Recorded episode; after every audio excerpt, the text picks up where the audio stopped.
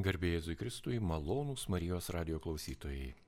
Šioje laidoje kviečiame pasiklausyti pasakojimų apie leidinį, kurį jo kuriejai, tuometiniai platintojai, buvo pavadinę Rūpintojėlio vardu. Taigi šiais metais minime Katalikų bažnyčios kronikos jubiliejų.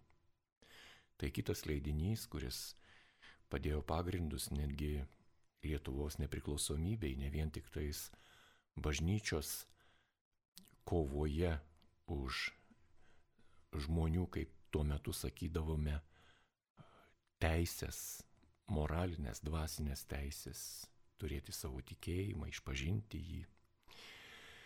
Žinoma, šalia kronikos, Lietuvos katalikų bažnyčios kronikos buvo ir kitų leidinių, Tai proga prisiminti juos, o kai kuriuos pogrindinius leidinius ir net šiandien pasklaidyti. Šiandien prisiminame rūpintojėlio leidinį.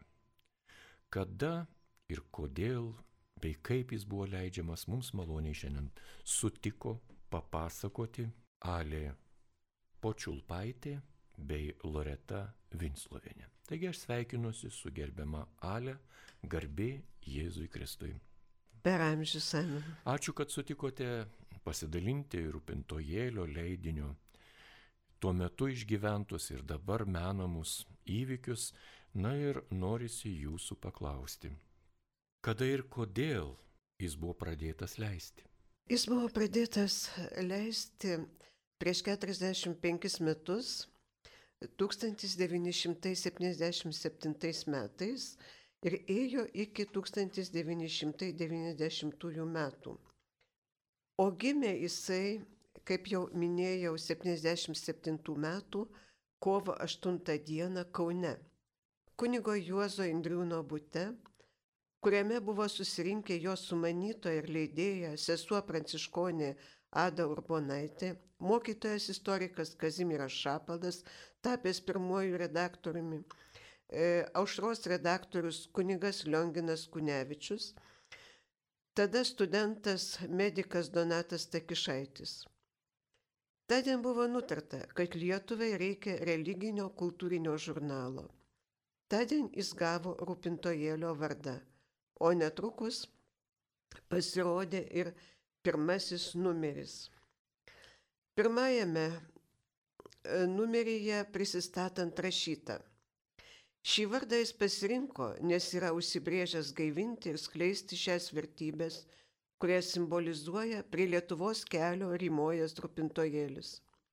Su Lietuvos rūpintojėliu susijusios vertybės yra lietuvių tautos ištvermės, jos atsparumo ir gyvybės pagrindas. Jų ginti, jas skleisti ir išeina rūpintojėlis. Tai buvo apibriešta žurnalo programa jo misiją suvokiant kaip būdėjimą prie Lietuvos likimo, prie melų apraiskyto žmogaus kenčiančio dvasios kalėjime, kurios sienos surestos iš propagandos ir dezinformacijos. Lietuvos bažnyčios kronika Aušra sakė tiesą ir kovojo dokumentais ir faktais. Rūpintojėlio balsas buvo tarsi tylesnis, tarsi prislopintas, Taip kalbama su pavargusiu, pasiklydusiu, tiesos ieškančiu žmogumi. Norėta parodyti, kad egzistuoja daugeliu sovietinių žmonių nepažįstamas tikėjimas ir bažnyčia, turinti nuostabę filosofijos, etikos sistemą, gyvenimo būdą, teikianti prasme ir perspektyvą žmogaus egzistencijai. Norėta parodyti, kad tikėjimas ne žmogaus prigimties pančiai, bet tikrosios laisvės sąlyga. Norėta parodyti, kad yra Lietuva, tėvynė, ne vienas iš penkiolikos nesugriaunamos kabutėse sąjungos kampelių, o savita tauta, turinti didingą praeitį, skaudžią vergyjos ir pasipriešinimo patirtį, tauta net socializmo rojuje kabutėse nepraradusi nacionalinio orumo ir laisvės instinkto tauta kenčianti ir kovojanti. Viso yra išėję 26 numeriai, kiekvieną jų sudaro 60-70 mašinraščio puslapių, tiek kiek apimdavo sektukas, pogrindžio ir išimo priemonė. Leidinys turėjo didelį būrį bendradarbių ir rėmėjų. Jam rašė daugiau kaip 60 žmonių - kunigų, pasauliečių, inteligentų, studentų. Šiandien jų dauguma dėja jau amžinybėje. Visi rašiniai pasirašyti slapyvardžiais arba visai nepasirašyti, išskyrus publikacijas iš knygų ir spaudos bei užsienio lietuvių kūrinius. Tikros pavardės ir piešti viršeliai galėjo atsirasti tik pirmųjų atgimimo metų numeriuose. Iki šiol tiksliai nežinoma, kiek žmonių rūpintojėlį platino ir kiek skaitė. Reguliariai jį gaudavo Euharistijos bičiulių būreliai, kuriems žurnalą perdodavo gydytoja Stasė Belickienė. Jie savo ruoštų pasidaugindavo, aišku, rašomąją mašinėlę ir paskleisdavo tarp pažįstamų. Gaudavo klerikai, dalis kunigų ir kiti. Kiekvienas Periodinis leidinys, taip pat ir rūpintojėlis, turi pastovę, daugmaž pastovę struktūrą, rubrikas. Rūpintojėlio numerį pradėdavo redakcijos vedamasis - Vatikano ar Lietuvos bažnyčios dokumentai arba eilėraščiai. Net dešimt numerių pažymėti specialiom dedikacijom. Du skirti jaunimui, po vieną Euharistijos švenčiausiosios Marijos mergelės metams Lietuvos krikšto jubiliejui, Šventam Pranciškui, arkiviskopui Matulaičiui, arkiviskopui Matulioniui, kunigams Šalčiui, Jaugeliui ir kita. Filosofijos veikalų ištraukos bei straipsniai leido skaitytojams susipažinti su Antanu Moceina, Juozu Girniumi, Stasiu Šalkauskiu, Gaidamavičiumi, Solovjomu, Maritenu, kurių mintis klojo krikščioniškosios pasaulyje žiūros pamatus. Daug vietos žurnale tenka Lietuvos istorijai. Ypač įvykiams ir faktams, kurie sovietiniuose vadovėliuose, knygose ir spaudoje buvo nutylimi, iškraipomi arba tiesiog apšmeižiami. Tai 863 m. sukilimas, spaudos draudimo ar knygnešystės epocha, 1918 nepriklausomybės kovos, Vasario 16 aktas, Molotovo Ribbentropo paktas ir kiti. Plačiai buvo nušviesta ateitininkijos, su kuria rūpintojėlis siejo dvasinis ryšys, sakyčiau, ateitininkijos žiburio istorija ir kiti. Daugumos istorinių straipsnių autorius yra Kazimiras Šapalas. Lyg gyva istorijos medžiaga prisiminimai, laiškai, daugiau iš lagerių ir tremties. Šiandien lietuvių tautai nėra jokio kito tokio svarbaus reikšmingo uždavinio, kaip tautos moralės puolimo sulaikimas ir pakelimas.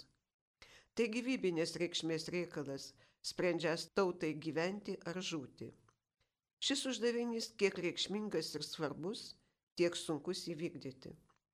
Nemažas skaičius tautų šio uždavinio nepajėgė išspręsti ir išnyko iš istorinės arenos. Taip penktajame žurnalo numeryje rašė Kazimiras Šapalas.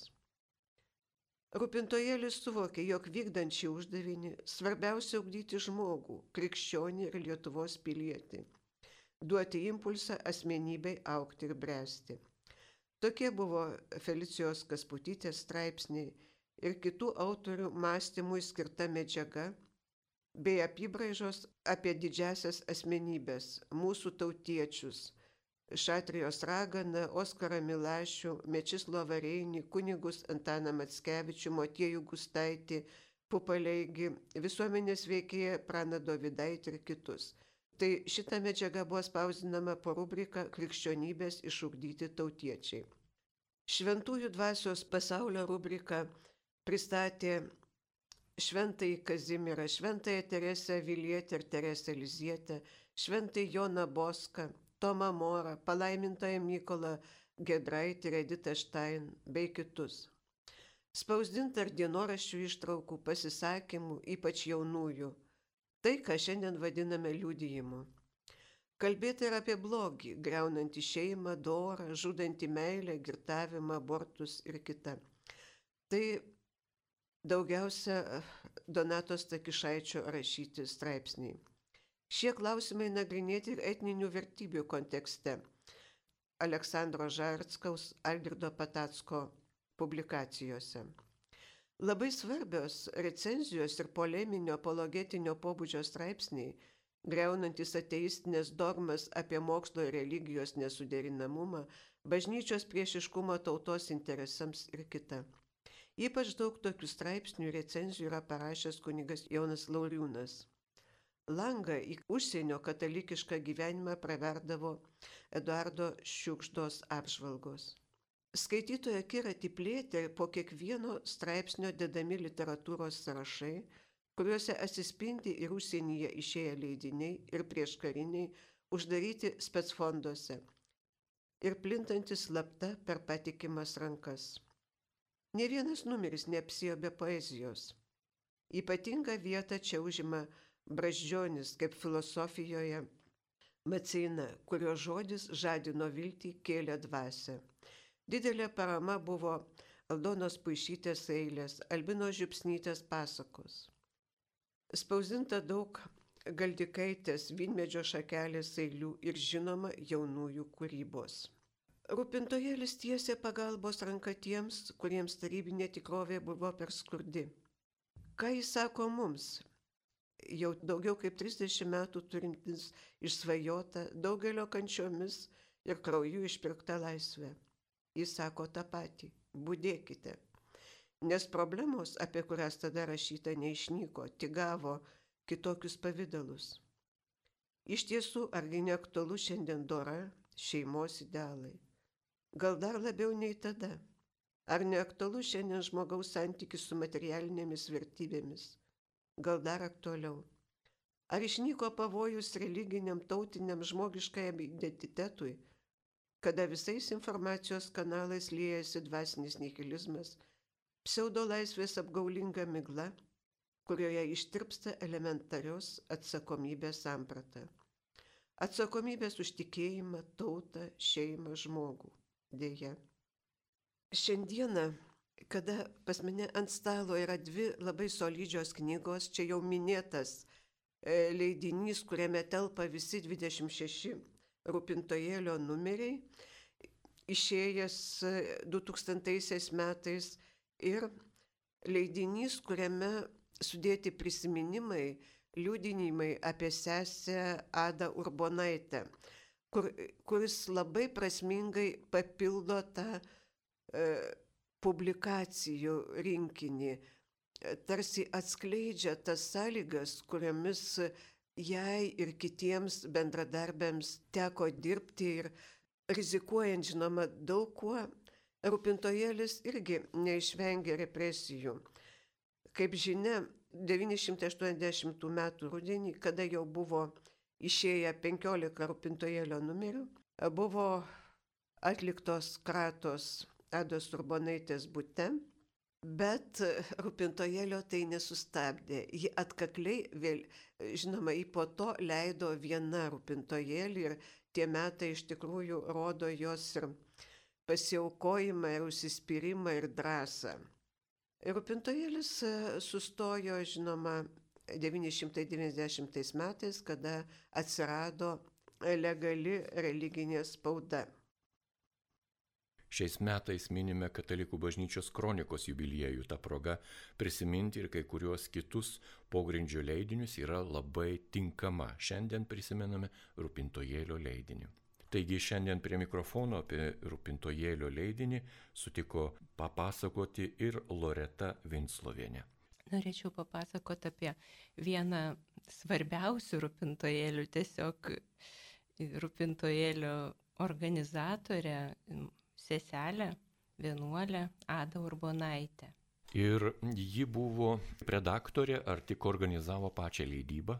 Jis organizavo pačią leidybą ir beveik vienintelė e, rūpinosi medžiagos rinkimu, pati spausdino ją. Taigi įdėmiai klausomės. Mudvi su šviesios atminties Ada Urbonaitė esame kilusios iš tos pačios nedidelės pašušvio parapijos. Sesers Benvenutos Ados Urbonaitės leidžiamas rūpintojėlis man primena apie žmogaus gebėjimą sunkiomis, nepatogiomis aplinkybėmis daryti tai, ko tikima, kas svarbu čia ir dabar gyvenamuoju momentu.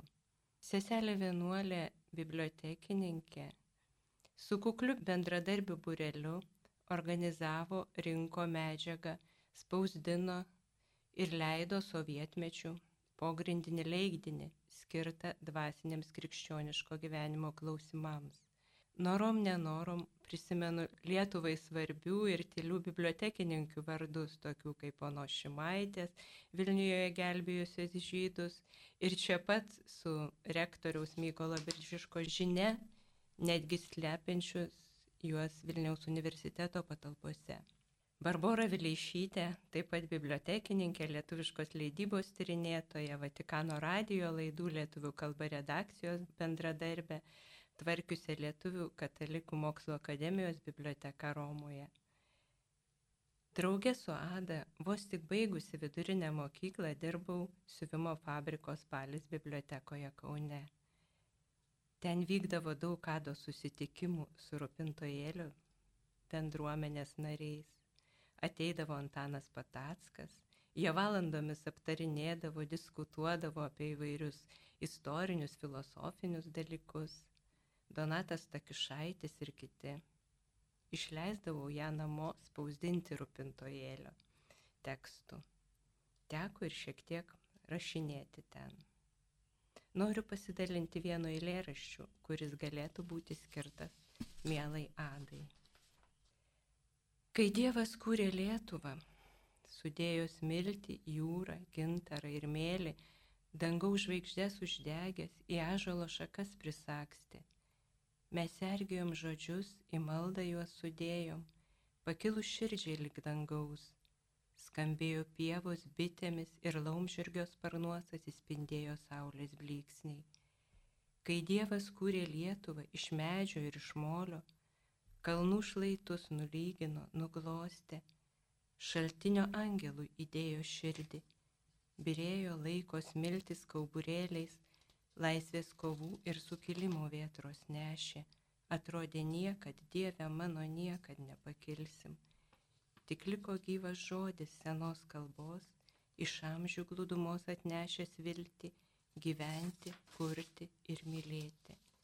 Kai Dievas kūrė Lietuvą iš smėlio ir iš vėjo, iš vanagos sparnų išlenkto vingio, ilgoj kelioniai dainos melodija palydi saulę, ir aušroje su motinos malda namo sugrįžta. Aš eičiau tais keliais, paliesdamas jų pėdas, tėvų, senelių, prosenių godas, tu eitum tais keliais, pavasariais ir vasarom supintais. Galvoju, kad tas susitikimas su Ada labai daug lėmė ir mano pačios gyvenimui. Jis man tiesiog, ta, tie mūsų ryšiai su žmonėmis labai turi didelę įtaką ir tolesniam gyvenimui. Tos patirtis, pasidalinimai ir pats, pats gyvenimo pavyzdys labai, labai liudyja. Turi atspirties taškus. Dėkojame Jums už atmintį ir taip pat už priminimą. Na, o rūpintojėlio leidinį tai turbūt šiuo metu galima būtų rasti tik bibliotekose arba privačiai ar jūsų lentynoje bibliotekoje šis leidinys gyvuoja, yra, pavartote jį? Mm, taip, pati, pati Darada surinko visus tekstus ir išleido vieną didžiulę knygą, rūpintojėlių visus numerius į vieną su visais išaiškintais autoriais, lapyvardžiais, labai daug tokių garsių kaip Garutskas ar tėvas Lauriūnas ir kitų žmonių tekstai ten buvo spausdinami. Kuo šiais laikais e, galėtų būti reikšmingas ir įdomus rūpintojėlio turinys jaunimui, ne vien istoriškai, bet ir šiandienos aktualijose? Tie tekstai nesensta, jie visą laiką yra aktualūs.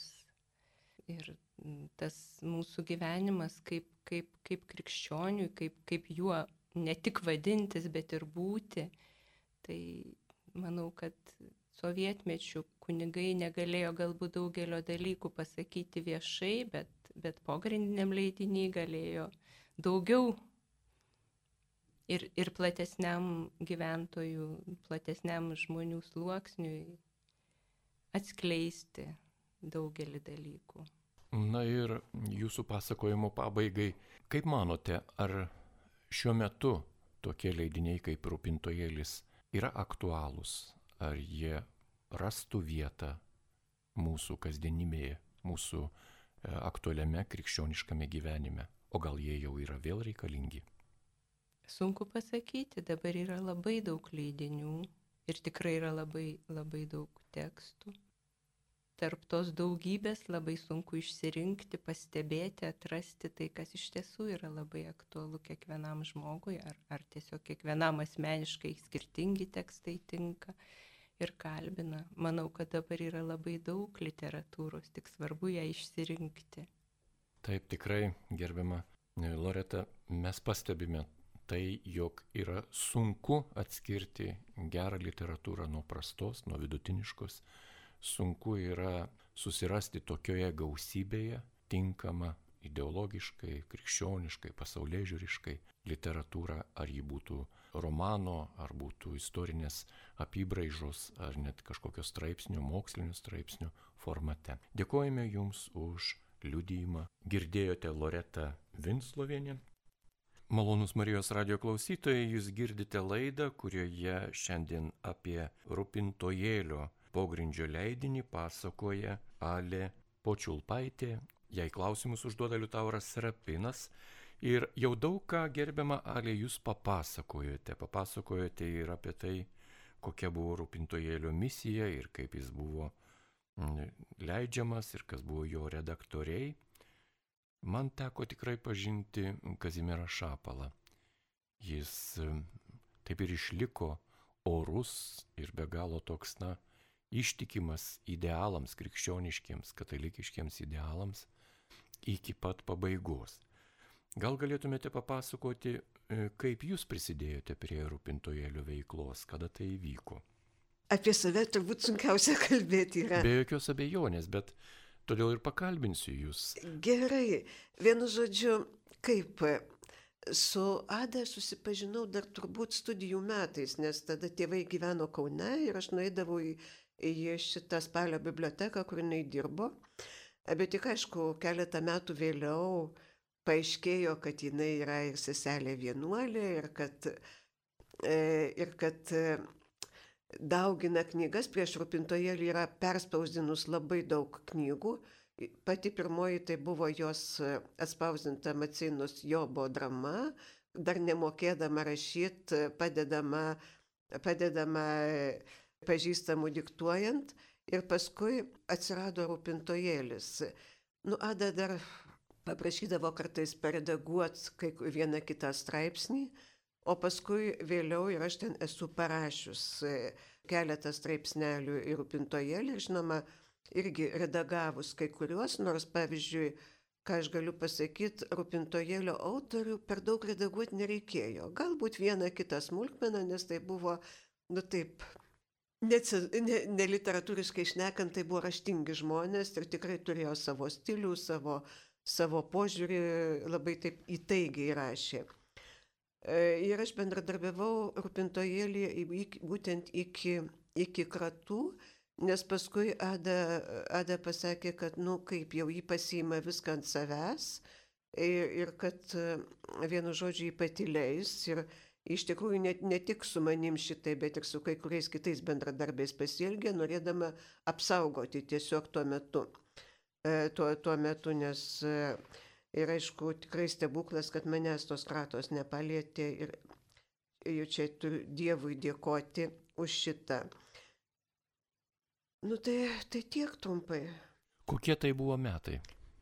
Nu, dabar man sunku pasakyti, tai buvo kokie 77 e, rūpintojėlis pradėjo, tai nu maždaug apie tą laiką ir buvo, nesakau, anksčiau jį man vieną kitą ten leidinį duodavo peredaguoti kadangi aš buvau baigusi žurnalistiką tuo metu ir, nu kaip sakyti, pasitikėjo šiuo atveju manim, o paskui jau savaime kažkaip taip prie to rūpintojėlio teko prisiliest, nes tai buvo tokių temų, kurios man buvo aktualios ir brangios tada. Kokios, pavyzdžiui, temos E, Nu, nu, aš kiek kalbėjo? atsimenu, dabar man sunku viską prisiminti, nepagalvojau, kad apie tai jūs paklausit. E, Pats vienas toks ryškesnių straipsnių, tai man buvo apie, kai aš perskaičiau irgi iš Ados gavusi Stasio Įlos knygą apie Štuthofo koncentracijos stovyklą, mane jinai sukrėtė savo... Žmonės ir žvėris. Žmonės žvėris dievų miške. dievų miške taip. Mane ta knyga tiesiog sukrėtė ir aš tiesiog negalėjau neparašyti, nes vat, apie tai, apie žmog, žmogaus asmenybės tokių vertybių išlikimą būtent tokioje, sakyčiau, ribinėje situacijoje, kada nu, tu gali išlikti žmogum ir gali neišlikti, susi, susirūpinę savo, savo egzistenciją, savo, savo asmeniniu išlikimu tose baisiuose sąlygose. O paskui, nu kaip teko, teko ten ir apie jaunimą parašyti, apie, dabar aš nebeatsimenu, ten kažkokią kompiliacijas paruošti, man atrodo, apie šventą Joną Boską, dar kažką tai tokio. Tiesiog sakau, nepasiruošiau aš tam, O sakykite, gerbiama Ale, o iš kur jūs gaudavote tuo metu tą literatūrą, juk ji buvo uždrausta, pavyzdžiui, ir Stasys Sila, kunigas Taip. Stasys Sila su savo leidiniais jis buvo visiškai nepageidaujamas Sovietų imperijoje. Iš kur gavote e, žmonės ir žvėris dievų miške? Nu čia vėl man reikėtų paminėti Ados vardą, nes mes taip ją vadindavom tiesiog e, Ada ir, ir visi žinojo, kas ji tokia. Ir, ir pagrindinė vat, visą tą išu, įgaudavo kažkokiais keliais, aišku, nelegaliais. E, praktiškai turbūt beveik viską, kas būdavo užsienį išleidžiama, užsienio autorių. E, ten ir, ir Macenos, ir, mm, ir to paties Tasio Įlos, ir paskui Gaidamavičiaus, dar, dar sakau, vat, kažkaip aš nepagalvojau, kad reiks apie tai kalbėti, reiktų pasižiūrėti. Vienu žodžiu, tos literatūros tikrai, jinai labai mielai ją dalindavosi ir tai buvo, nu, kaip, tai buvo, sakyčiau, atrama tais laikais ir paguoda savotiška, nes aplink buvo visiškai kitos nuostatos, visiškai ki, ki, kitos ir labai re- retas žmonių buvo, kurie mąstė kitaip arba bent jau neišsidavė tada, kad jie masto kitaip. Bet iš tikrųjų tai, tai tos literatūros labai reikėjo ir man ji tikrai labai, labai buvo brangi ir svarbi. Ir dar jeigu lyginant su šiais laikais, kada yra tos spaudos knyginai pilni ir nu, čia gal ne vietoje, bet man kartais taip atrodo, kad kai, kai kas mūsų laikais, kaip pasakų kažkoks herojus, guli ant kranto didžiausio ežero ir šaukia trokštų, trokštų, trokštų, nors užtenka ranką ištiesti ir tu būsi, ir tu būsi pagirdytas. Taip, kad mes vat, visi gyvenom tą anais laikais tą tokį dvasinį alkį ir man atrodo rūpintojėlio vienas iš tikslų, tikslų buvo tą alkį kažkaip numalšinti bent kiek savo publikacijom, tiek, tiek e, vat, mąstymui skirtom, tiek e, istoriniam, e, nu, vienu žodžiu, duot, pateikti tą visai kitą pasaulį žmogui ir kitą orientaciją. Gerbiama Ale, jūs paminėjote ir pagrindinius redaktorius, ir, ir netgi bendraautorius, ir kurių tikrai buvo tuo metu gražus būrys, ir jie visi tokie šviesų, šviesaus atminimo žmonės. O sakykite, prašau, kai išeidavo rūpintojėlio numeris, ar jūs aptardavote, ar pasidalindavote tą medžiagą, kurią perskaitėte rūpintojėlį, ar būdavo kokios diskusijos, kad ir neformalios, neoficialios arba slaptos, parapijoje, namuose. Nu, praktiškai ne, kadangi kaip, tų vat, bendradarbių, kuriuos aš čia suminėjau, aš asmeniškai nepažinojau, nes buvo ne tie laikai, kad, nu, vieną kitą galbūt atsitiktinai, o šiaip, nu, su Adamės kartais aptardavom, bet taip, nu, grinai darbinių požiūrių tokių galbūt, o šiaip tai, nu, sąlygų tiesiog nebuvo ir, mm, ir kartais net nežinodavai, kas gauna, kas skaito, su kuo tu galėtum apie tai pašnekėti. Tai buvo tokie, nu, kažkokie tai uždari labai laikai ir tarp žmonių ir O nepaminėjote, kur būdavo leidinys atspausdinamas, kas jį suriždavo. e, taip. E, e, Aš iš tikrųjų, aš čia turiu užsirašius, bet pamiršau pasakyti, jis buvo leidžiamas Kaune, Kapsų gatvėje, ten ah, gyveno Ada ir ten buvo pagrindinė rūpintojėlio būstinė. Ji ten jį atspausdindavo iš ten jis išeidavo į žmonės, o paskui jau faktiškai pasidaugindavo kiti. Nu, jį padarydavo tą pirmoji laida, dažniausiai būdavo pa, pa, pavadinta parengiamąją, bet vis tiek jį paskui jį išplatindavo, nes tai buvo gaila, kad nepražūtų, o paskui padarydavo jau tą tikrai originalią laidą. Ir po to dar, dar kelias laidas. Tiražas laidos nusiekdavo iki septynių egzempliorių, nes tai buvo ant plonyčio popieriaus, kur ten reikėjo pasikišti baltą lapelį, kad skaitytum. E, ir, ir šitą, ir, ir faktiškai, faktiškai būdavo susegama tokiu sektuku. Iš tikrųjų jis galėjo būti didesnis, bet daugiau sek, sektukas neapimdavo šito, e, to leidinio. Tai va taip, iš čia būtent iš tos kapsų gatvės įgyveno ten privatus namas, bet ten antras aukštas mansardoje jos, jos butelis buvo, Ir ten, ten buvo vienu žodžiu tas žydinys, iš kurio čia sklindo, o pati Ada kaip į medžiagą, su, ištisai nežinau, kiek iš šimtų kilometrų yra nuvažiavus pas kunigus, pas bendradarbius, ten ir pasimti medžiagos, ir užprašyti, ir, ir visa kita iš tikrųjų buvo tas ratelis, kuris viską suko tą visą reikalą. Paminėjote apie tą grupę žmonių, kurį taip gražiai vardinote ratelis, kuris suko tą reikalą. Iš tikrųjų, tai ratelis, kuris atsuko m, mm, tą nuostabų reikalą net iki šių dienų ir mes regime ir, ir žinome ir džiaugiamės be abejo tuo, kas būta. Ar tas ratelis buvo persekiojamas? Kiek iš jų buvo nuteistų, įkalintų tuo metinės represinės okupacinės valdžios? Nu, man dabar būtų sunku pasakyti, irgi sakau, va šitam klausimui aš nepasiruošiau. Be abejo, kad jie tokių, kaip sakyt, kažkokių nu, nemalonumų, kažko tai, be abejo, jie, e, jie sulaukdavo daugumą, ten žinoma, ne vien už rūpintojėlį ir už visą kitą veiklą, nes e, dalis jų buvo patyrę tremti kalėjimą Čia turbūt reiktų atskirai apie tai kalbėti, sakau, aš tiesiog nepagalvojau, kad šito paklausit, aš būčiau patikslinus. E, nes, vad vienam aš paminėjau, kad vienas numeris buvo skirtas kunigui Virgiliui Jaugeliui, tai buvo jaunas žmogus, kuris, e, kuris pakliuvo į kalėjimą, nu, šiuo atveju ne už rūpintojėlį, daugiau galbūt už kronikų platinimą, už parašų rinkimą po memorandumo. E, bet e, ir paskui, aišku, sunki lyga jį per anksti, per anksti, kaip sakoma, e, nuvarė, bet tai buvo tikrai vat, vienas iš tų jaunų žmonių, bet tai nukentėję yra ir daugiau, bet konkrečiai man būtų sunku pasakyti. Ar jums teko bendrauti su kunigu Virgilijum dar iki, iki jo įstojimo į luomą, ar jūs jį pažinojate? Aš pažinojau jį iš matymo tik tai. Iš matymo, nes jis už mane daug jaunesnis buvo. Mm, ir tik tiek apie jį žinojau ten iš kitų ir, ir, ir apie... Teko pažinoti jo brolį, jo brolį ir jo brolio šeimą, kitaip sakant, daugiau per juos. O asmeniškai bendrauti man su juo neteko. Kadangi kalbame apie asmenybės, mėla Ale, pasakykite, o su kuo jums labiausiai patikdavo šitoje rūpintojėlio istorijoje turėti reikalų, bendrauti, kalbėtis, pasitarti.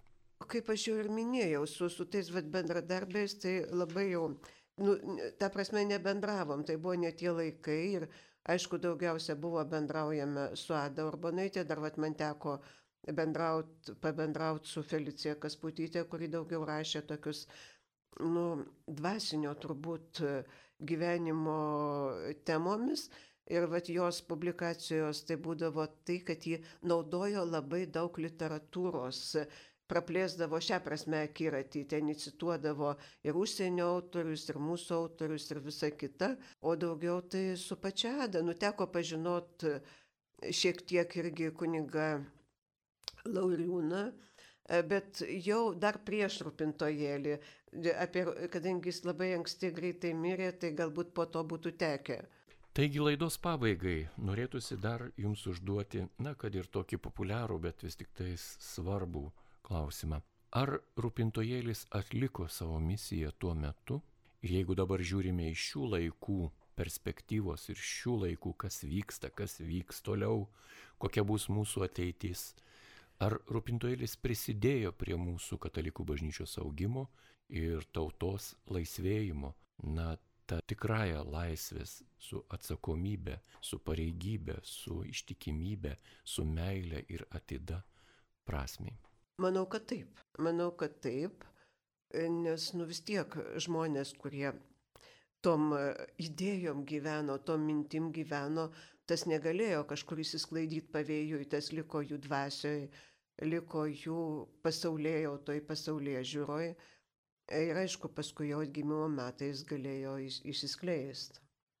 Tik vad labai gaila, kad nu, praktiškai prie daugelio, prie daugelio bendradarbių jau reikia sakyti amžinatilis. Ir šiandien nuruošiantis ir tai laidai ir minėjimui, kuris bus sekmadienį universiteto Šventų Jonų bažnyčioje, e, tiesiog, nu, faktiškai nėra tų pagrindinių žmonių, kurias norėtųsi, kad jie savo įspūdžius pasakytų, papa, pasakytų, kad, nu, kaip, nes jie jau yra anapus su mumis. E, tai yra, su mumis bendrauja jau visai, visai kitokiu lygiu. Taip, tokia realybė gyvenimo, taip pat ir mus kažkada kažkas pakeis, duok Dieve, kad ateitų už mus gabesni, talentingesni, išvalgesni ir stipresni žmonės, e, kad į mūsų vietą gerbiama Alė stotų stipresni už mus, geresni už mus, o net virkščiai stotų dar labiau silpnesni, negu mes esame čia abu Marijos radijos studijoje šiandien susitikę. Mėla Alė, laidos pabaigai gal turite kokių kvietimų ar pageidavimų? Tai norėtųsi pakviesti sekmadienį 11 val. 11 valandai į Vilniaus e, Šventų Jonų bažnyčią, kur bus mišios e, skirtos prisiminti ypatingai mirusiems bendradarbiams, kurių, kaip minėjau, yra dauguma. Po to susirinksime pakalbėti, pasižiūrėti galbūt skaidrės ir prisiminti, nu, paminėti tiesiog šitą, šitą jubiliejų. Labai malonu, ačiū už tokį ramų, bet įtaigų ir stiprų liūdėjimą savo gyvenimu. Ir žinoma, kai kalbate apie pogrindžio leidinį rūpintojėlį, apie tą atliktą misiją. Malonus Marijos radio klausytojai, jūs girdėjote laidą, kurioje apie rūpintojėlio leidimą, šį leidinį, kuris buvo leidžiamas pogrindžio sąlygomis, pasakojo Alė Počiulpaitė ir Loreta Vinslovienė. Klausimus gerbiamoms uždavė Liutauras Serapinas, ragindamas ir toliau jūs likti su Marijos radiju.